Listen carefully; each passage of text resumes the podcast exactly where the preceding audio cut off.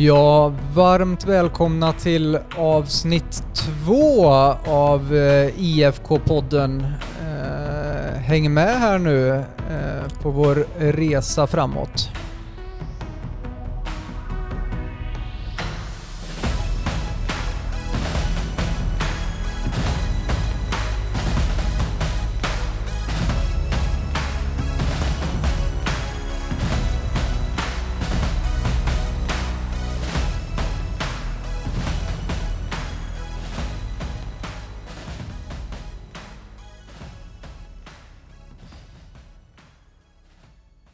Då har vi redan kommit till avsnitt två av eh, IFK-podden som alltså eh, kommer från IFK Mariestad.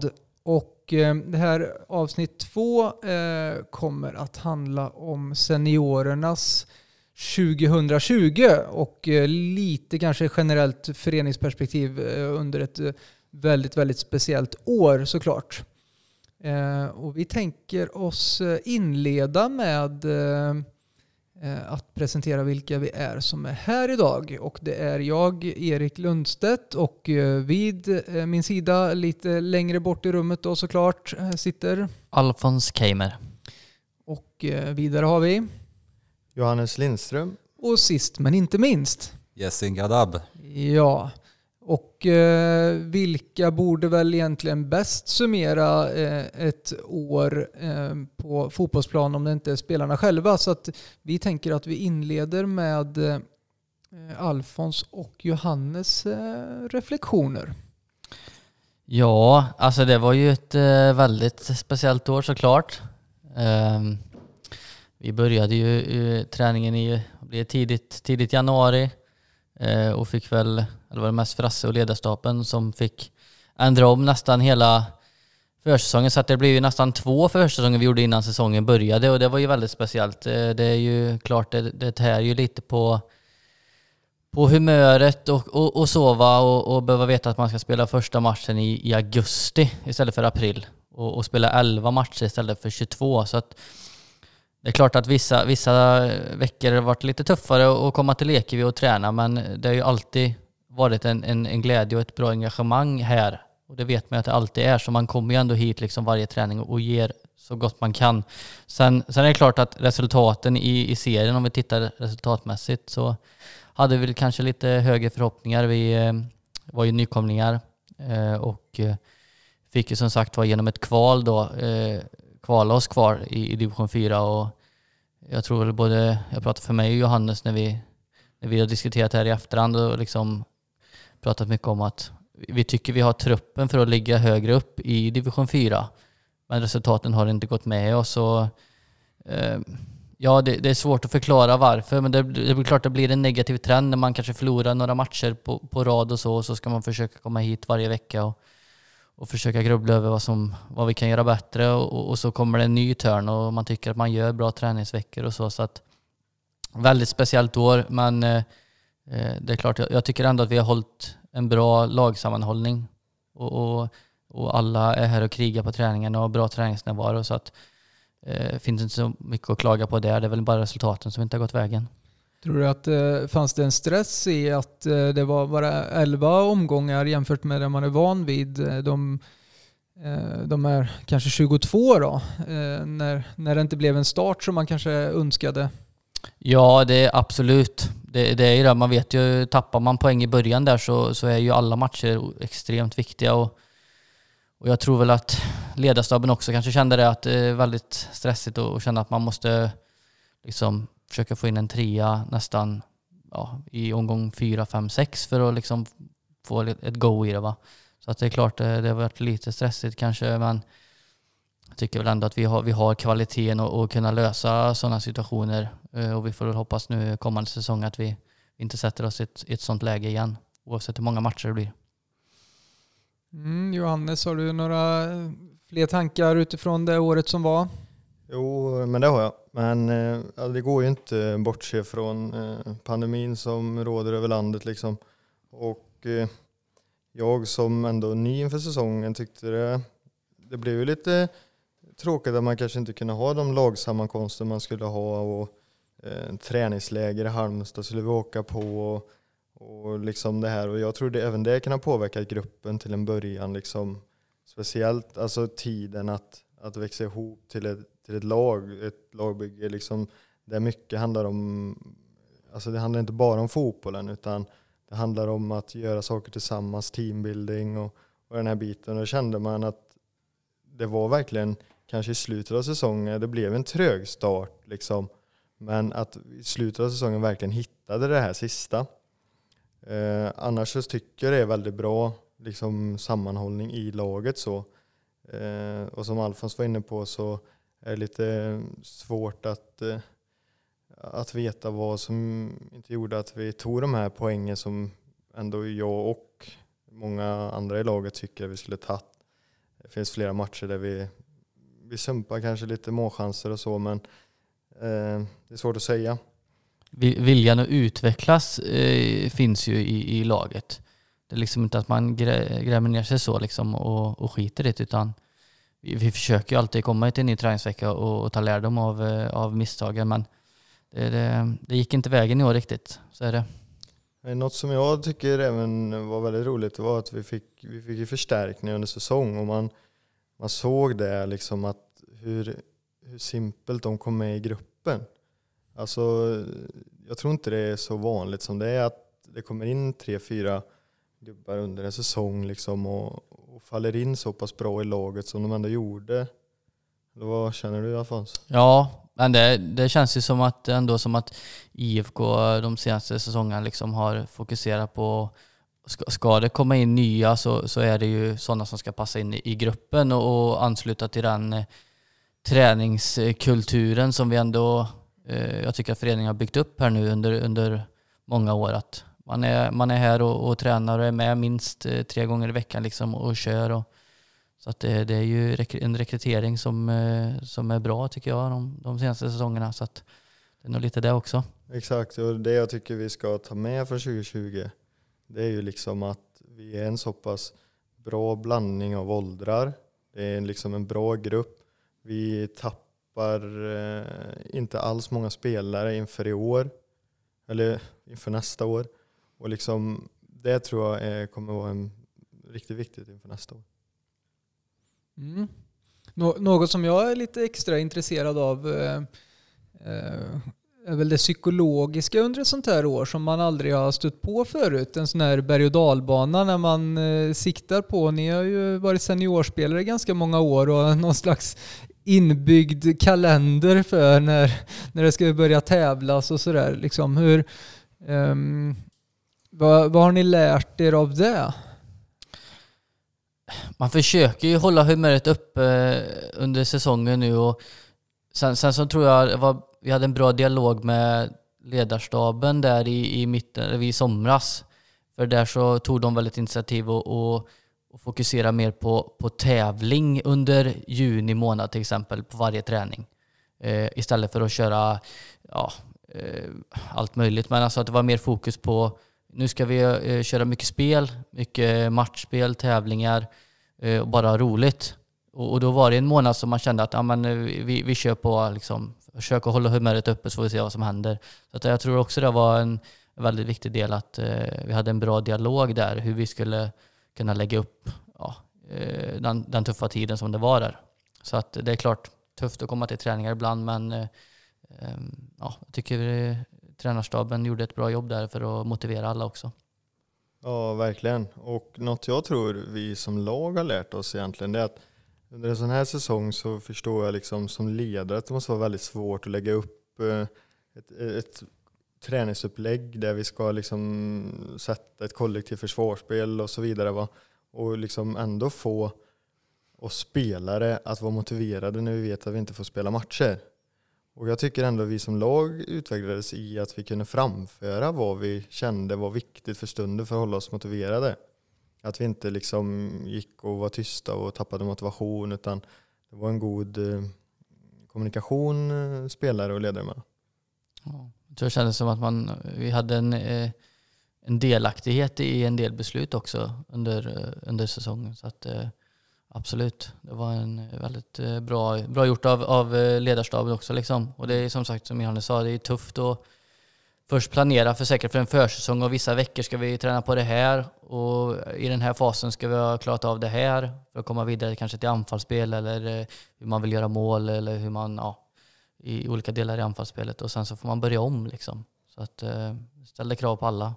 Men jag tycker att det löste sig ganska bra till slut ändå. Mm.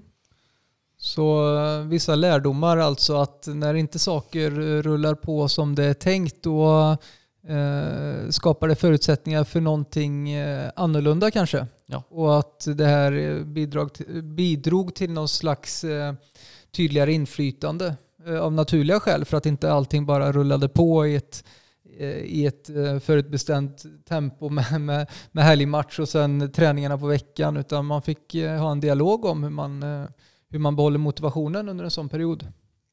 Det blir spännande. Ja, Jessin, du sitter ju i IFK Mariestads styrelse och det måste varit väldigt eh, annorlunda eh, ur det perspektivet också med den typen av omställningar som blev även på, alltså för, för våra seniorer, de äldsta eh, såklart, men som till viss del påverkar kanske de yngre också och styrelsens möjligheter att, att arbeta. Hur, hur skulle du summera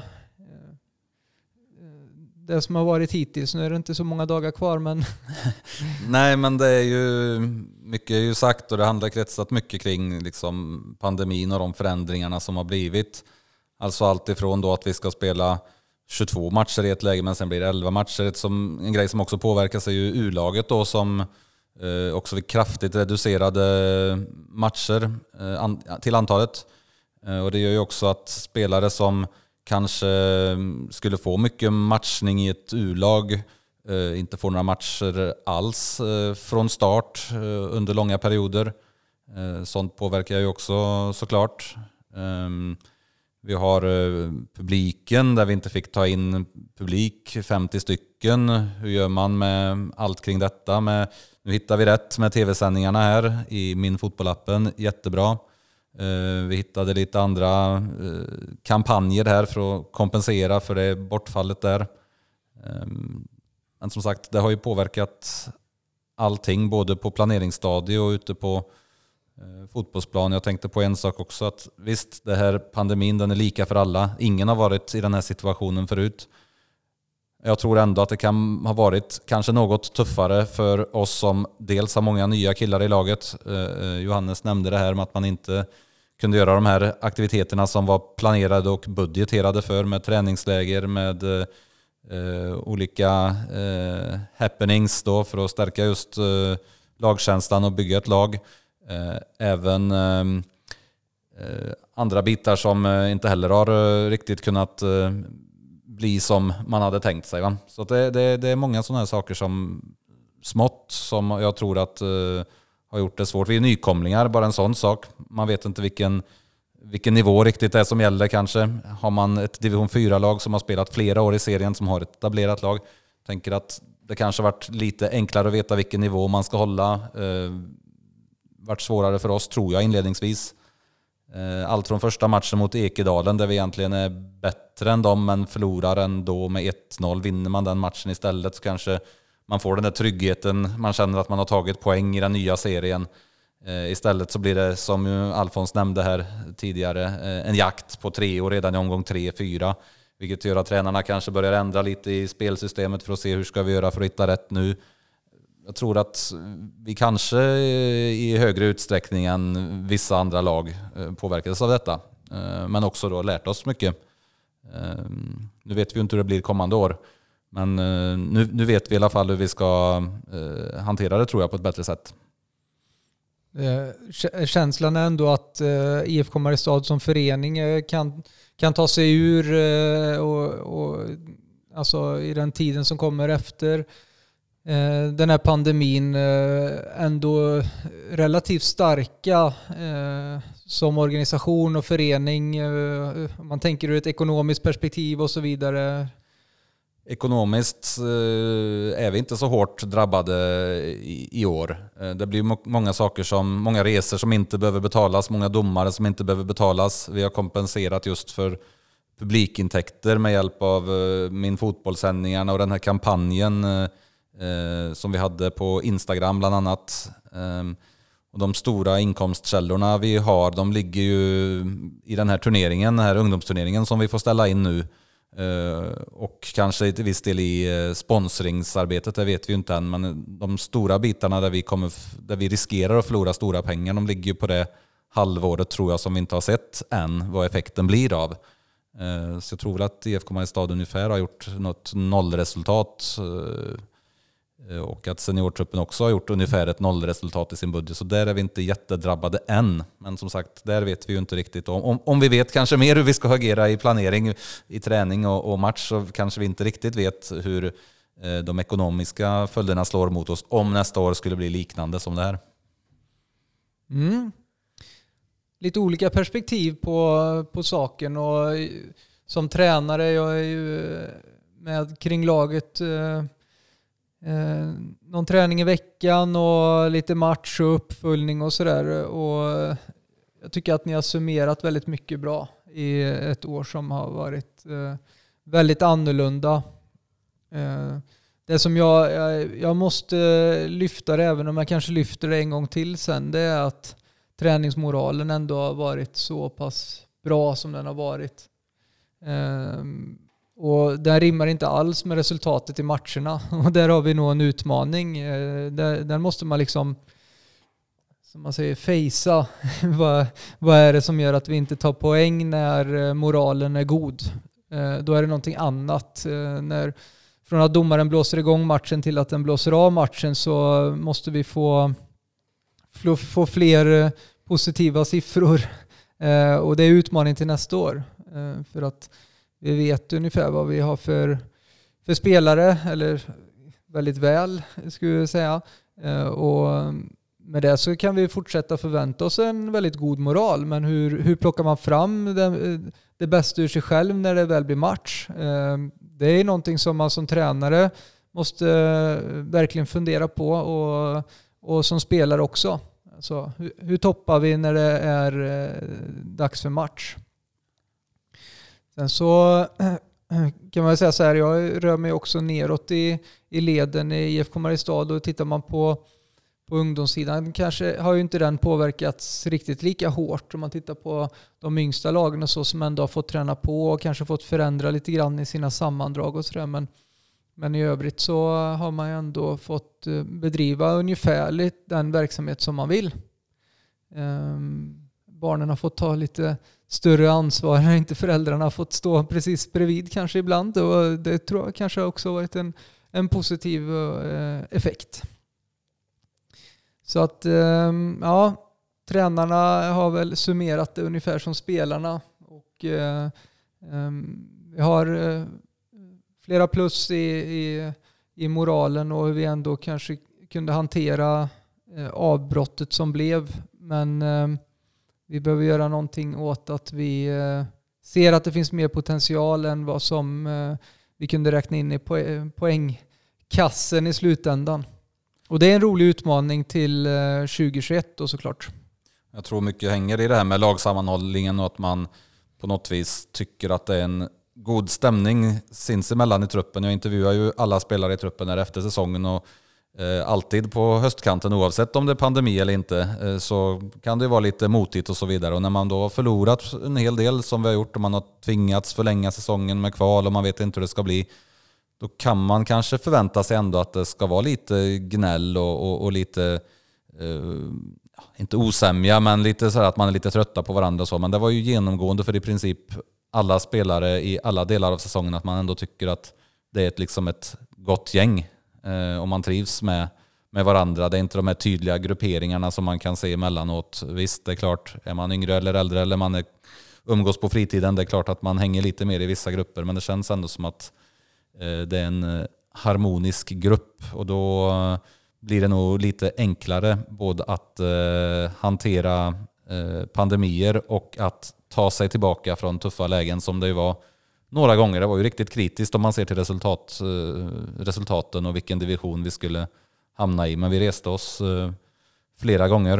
Eh, och det är en bra sak att ta med sig. Mm, härligt.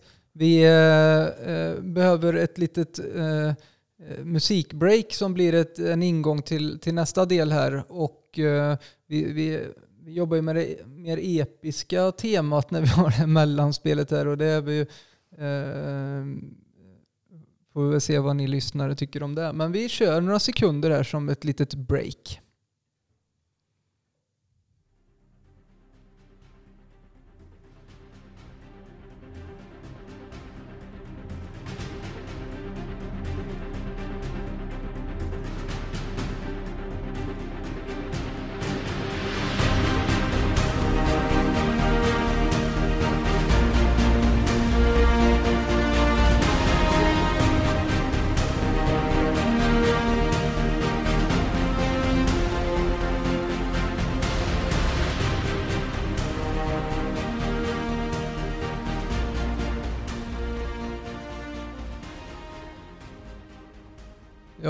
En sån typ av um, övergång då så uh, ska vi snabbt och lätt här uh, beskriva någonting som vi särskilt kommer ihåg. Uh, och då ska vi peka lite mer tydligt på någonting. Ehm, Johannes Lindström, är det någonting speciellt som du kommer ihåg från det här året? Ja, om det inte var Alfons arga blickar under instruktionerna på försäsongen så ehm, tror jag Jo, men det måste vara ja, sista veckan och sista matchen där eh, inför Halvorstorp eh, borta. När vi, vi vann med 1-0 och det var en, som vi sa, var inne på att det var en god moral. Vi satte ett kollektivt försvarsspel. Det var nog bästa försvarsspelet under året. Vi vågade hålla i boll. Vi var inte oroliga överhuvudtaget. Liksom. Vi gjorde en hur bra match som helst. Men eh, det som byggde upp den matchen, det måste ju varit vad jag anser eh, var träningarna eh, inför där. Veckan innan, det var, man såg att alla var på hugget, det var, mm, det var kamp, det var frustration hos de yngre då, eftersom vi äldre vann. Och, ja, det är så det ska vara. Va? Så att det, är, det är vad jag särskilt kommer ihåg. Jag kan ju hålla med det Johannes säger. Det det var ju en, alltså det var ju en, en eh, tuff situation eh, för föreningen där eh, sista veckan för oss där. Liksom, vi var ju tvungna att, att vinna mot Halvorstorp i stort sett. Om jag inte minns fel nu så var vi ju det och lyckades göra 1-0 där. Så Johan Frey som lyckades göra målet i andra halvlek där. Och jag kan nog säga att jag, jag tycker nog också att det var den bästa matchen vi gjorde i år sett till framförallt försvarsspelet då. De hade ju kanske mycket boll och trevlig backlinjen. Jag tror de spelade med en trebackslinje där. Och, men vi hade ju tre tydliga block som försvarade väldigt bra. Och så hade vi ju Möller på topp som sprang för tre. Så att det var nej, otroligt skön känsla att kunna få avsluta säsongen med en vinst där borta. Och en lättnad. Och som sagt, träningsveckan innan eh, var nog det som, eh, som gjorde grunden. För det var mycket tävling. Eh, otroligt bra inställning från, från samtliga som var med den veckan. Och, eh, vä väldigt roligt att få kunna kröna den veckan med, med en vinst borta i Halvåstorp, absolut. Mm. Jessin, har du något speciellt sådär som du vill lyfta fram? Ja, men jag tar den andra matchen då som kanske konkurrerar i mina ögon då med den bästa matchen för året. Eh, borta mot Trollhättan där vi är eh, stora delar av matchen det bättre laget och tycker att vi har kontroll över matchen i 80 minuter i alla fall och leder ju bland annat efter drömmål av dig Alfons va? Var det inte så? Eh, ja, drömmål, det, ja, det var nog ett drömmål. Ja, det, det skulle jag nog vilja jag säga. Tycker, jag tycker vi kallar det för det. Ja, det, det håller jag med. Eh, väldigt fint avslut och, och, och eh, Sen trycker Trollhättan på ganska ordentligt sista tio och får in en kvitteringsboll och så. Men då, då kände jag liksom att vi är ju ett lag som kan slå alla lag i den här serien när vi sätter försvarsspelet och när alla tar sitt jobb. Ehm, Trollhättan var väl ganska så eh, stor favorit både i den matchen och, och kanske till att ta en topplacering i, i serien och kunna då känna att man var bättre än dem på bortaplan. Det, det, det tar jag med mig från säsongen här som var. Mm. Bra. Finns det något kvar till dig nu Erik eller? Ja, jag vet inte. Ni har tagit det mesta här. Nej, men jag gillar ju, vi har jobbat med det här med vad vi vill ha för moral. Eh, det Det ordet har ju uppkommit många gånger här, men eh, att man aldrig ger sig liksom. Inte viker ner sig oavsett om det är träning eller match. Och då är ju eh, matchen mot Götene lite intressant ur det perspektivet att ligga under med 3-0 i halvtid och så gå ut och komma som ett nytt lag i andra halvlek. Att som, eh, ingenting är kört. Eh, och eh, det var det ett bra exempel på. Eh, eh, s- särskilt komma ihåg och sådär. Då kommer vi lite osökt in på utropstecken. Eh, om vi har något sånt. Och hörde att ni pratar lite grann här eh, småsnackad och jag kan nog stämma in på det, eh, den beskrivningen av i alla fall en spelare. Han har ju också nämnts här eh, tidigare, men som både är en väldigt, väldigt god förebild, eh, tror jag eh, att eh, alla kan stämma in på, eh, oavsett om man inte är på planen, om man är runt laget eller om man är en ung spelare eller en äldre spelare. Så är han alltid en förebild som alltid ger allt och det är ju då Alfons Ja, det är ju Simon Möller. Eh, vår, eh, jag vet inte vilken position han spelar nu. Han spelar både mittback och, och forward nu det sista, men det är ju säg att det är ryggraden nästan. Eh, han har ju alltid varit en sån här spelare som, om, om man får välja en spelare som man vill ha bredvid sig när man går ut på plan så eh, väljer jag Simon Möller före alla, alla dagar i veckan. Eh, jag tror inte han säger likadant om mig kanske, men eh, han är ju en sån här typ som kommer på varje träning, med, som vi har pratat om tidigare, med, med hög eh, inställning och han, eh, han är liksom pålitlig och eh, de sista matcherna här nu, framförallt i, i, kvalet, så, så kan man ju säga att han, han spelar ju en väldigt stor del i att vi lyckades hålla oss kvar. Och för de yngre så är ju det en, en person och spelare att, att se upp till och eh, han eh, representerar IFK Mariestad på ett väldigt bra sätt skulle jag säga. Mm. Ja, jag kan inte mer än instämma. Eh, som du säger, han är en förebild för de yngre och han, han är en jävel för oss som är han kanske lite närmare. Alltså, med det menar jag, jag var uppe med han i spåret här, eh, Lekeby spåret för en vecka sedan och tänkte att han löper ju ifrån stor och tung liksom. Jag är ja, ganska lättviktare. Eh, men eh, han, eh, han sprang på så att jag var nära på att ge upp faktiskt. Så, eh, han, han hjälper en att få upp motivation genom att visa sin attityd och moral.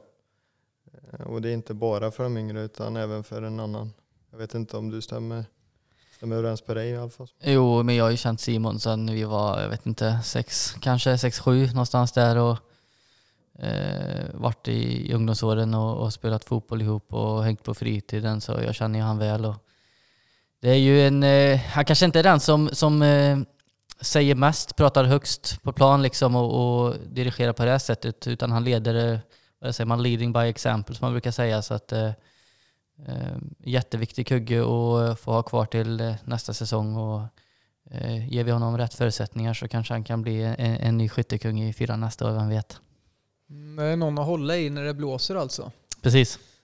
Ja, härligt. Och, ja, vi, vi, I laget har vi sagt att vi, vi stänger den här 2020, men eh, nu har vi gjort det här också kan man säga.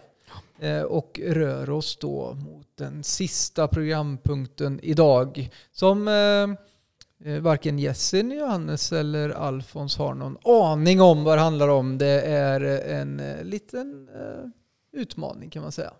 Så att, eh, men vi behöver ju såklart ett intro för detta.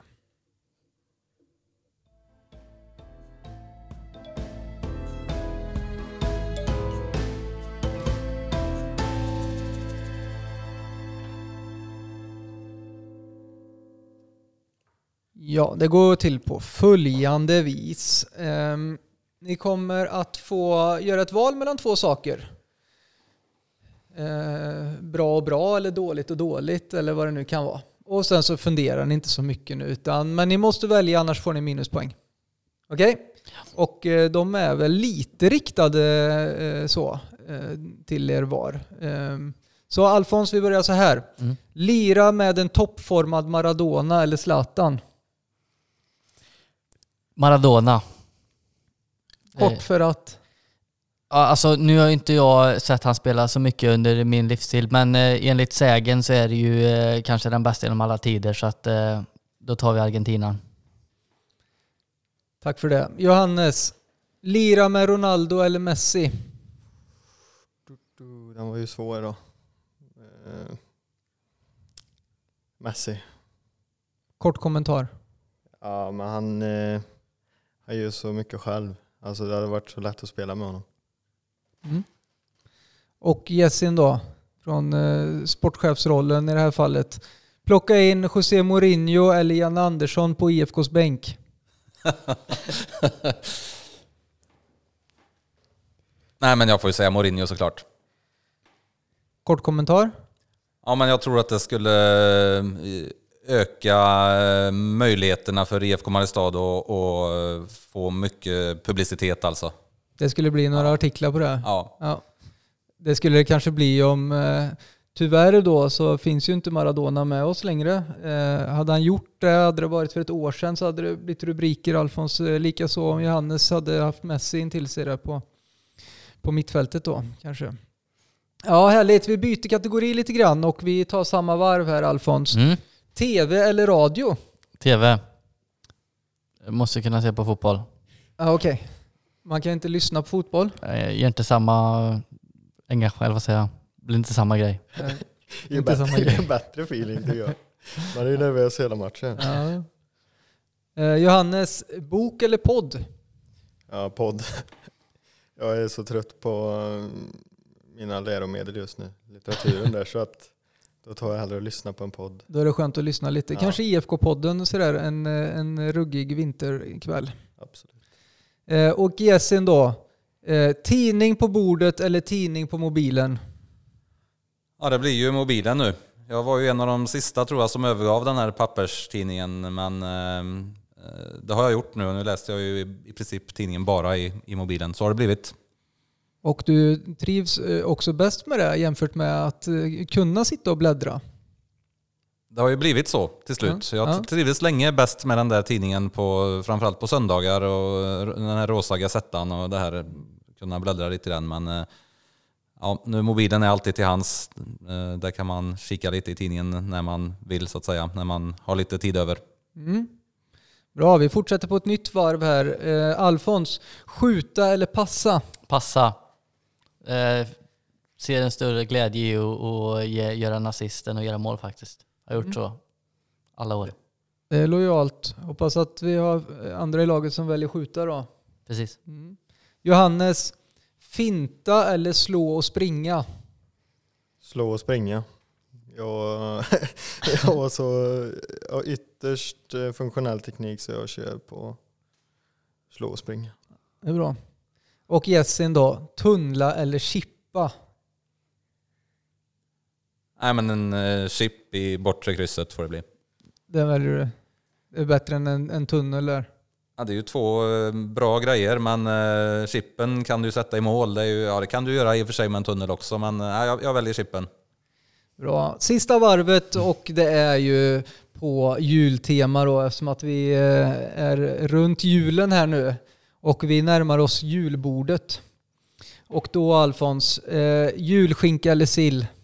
Eh, Julskinka givetvis. Sill, eh, det, det gillar jag inte. Skulle aldrig testa. Du äter inte sill Nej, jag äter inte sill. Jag äter inte sill. Ja, Okej, då blir det ett enkelt val Ja. där. Ja, ja. Och Johannes då, prinskorv eller köttbullar? Köttbullar. Eh, enkelt svar för att de är godare. De är godare. Ja. Ja. Och Jessin då, slutligen Janssons frestelse eller gravad lax? Jag går på Jansson. Men jag gillar laxen också, den gravade. Jag är ju sån det kanske syns också, som gillar, gillar, gillar det mesta på det där julbordet. Det var lite svårare för dig då. Det kändes ganska självklart här för, ehm, för Alfons eh, och Johannes i era val. Jag tänkte det, Alfons han valde tv när han har väl ett typiskt tv-utseende. Hade jag fått frågan hade jag ju sagt att jag har ett typiskt radioutseende. Så man kan säga så här då att eh, Alfons, du vill, skulle gärna vilja eh, lira med Maradona, se på tv, passa och käka julskinka. Ja, stämmer bra. Ja. Och Johannes, du lirar gärna med Messi, eh, lyssnar på en podd och du vill slå och springa och käka köttbullar. Ja, det är riktigt bra. Ja, det är bra kombo. Och eh, Jessin då skulle kunna tänka sig att plocka in Mourinho på IFKs bänk. Han eh, läser tidningen på mobilen, han eh, chippar den gärna i bortre krysset och han väljer Janssons frestelse. Ja, Ja, det funkar väl hyfsat bra här. Ja, men jag fick så mycket bra alternativ Erik. Jag tycker att alla de här grejerna, både, både ja och nej så att säga, att de var väldigt fina. Eh, men nu ska inte du komma undan här tänkte jag. Eh, för nu sitter du här och tror att du inte ska behöva ställas till svars. Men jag har ju lyft den här lite, nu är det en livesändning, men jag har ju lyft det här lite innan. Att jag skulle vilja, gärna vilja att du presenterar, säg dina två favoritjulsånger här nu när vi börjar närma oss jul. Med en kort motivering varför. Ja, nu är det helt eh, stopp. Det var ju därför jag försökte parera den här då. Ja, men man får vara beredd på lite överraskningar. Det fick ju vi vara här. Du får det räcker med en dag säger vi. Ehm, Du ser ut som en Maria Ja, jag Carey-anhängare. tänkte säga all, all I want Ja. for Christmas is you. Ja, men den, den är ju faktiskt väldigt, väldigt bra. Det måste jag säga. Och eh, hörde nu att ni har kommit in på någon, eh, letats in på någon topplista och, eh, igen här då. Det är väl ett tag sedan den spelades in, men eh, den förknippar man ju såklart väldigt mycket med julen. Ja, hon är väldigt tonsäker Maja. Hon kan tonerna förmodligen bättre än hur det låter när, i alla fall när jag pratar i, i podden här då. Så att, Eh, jag, jag gör ett val av, eh, av denna låt. Och eh, med det så önskar vi en god jul ehm, till alla er som har valt att lyssna. Och idag så har vi alltså pratat om året 2020 ur ett framförallt seniorperspektiv från vårt A-lag. Och eh, håll i hatten för att alldeles eh, snart så kommer då avsnitt tre. Och då eh, kommer vi att blicka framåt. Vi kommer titta mot 2021 och eh, som att vi har Johannes och eh, Alfons med oss även då så eh, är det klart att vi ska titta lite grann på hur det ser ut på eh, runt eh, seniorverksamheten och lite annat. Och dessutom så blir det ytterligare en utmaning, men den här gången så blir det en ren tävling där man då kan få poäng och då får vi se hur det går för Alfons, Johannes och Jessin om det kan vara någon vinnare som kan utses i slutet. Tack för att ni har lyssnat. Vi avslutar här med ett hej då. Hej då. Hej då. Hej hej.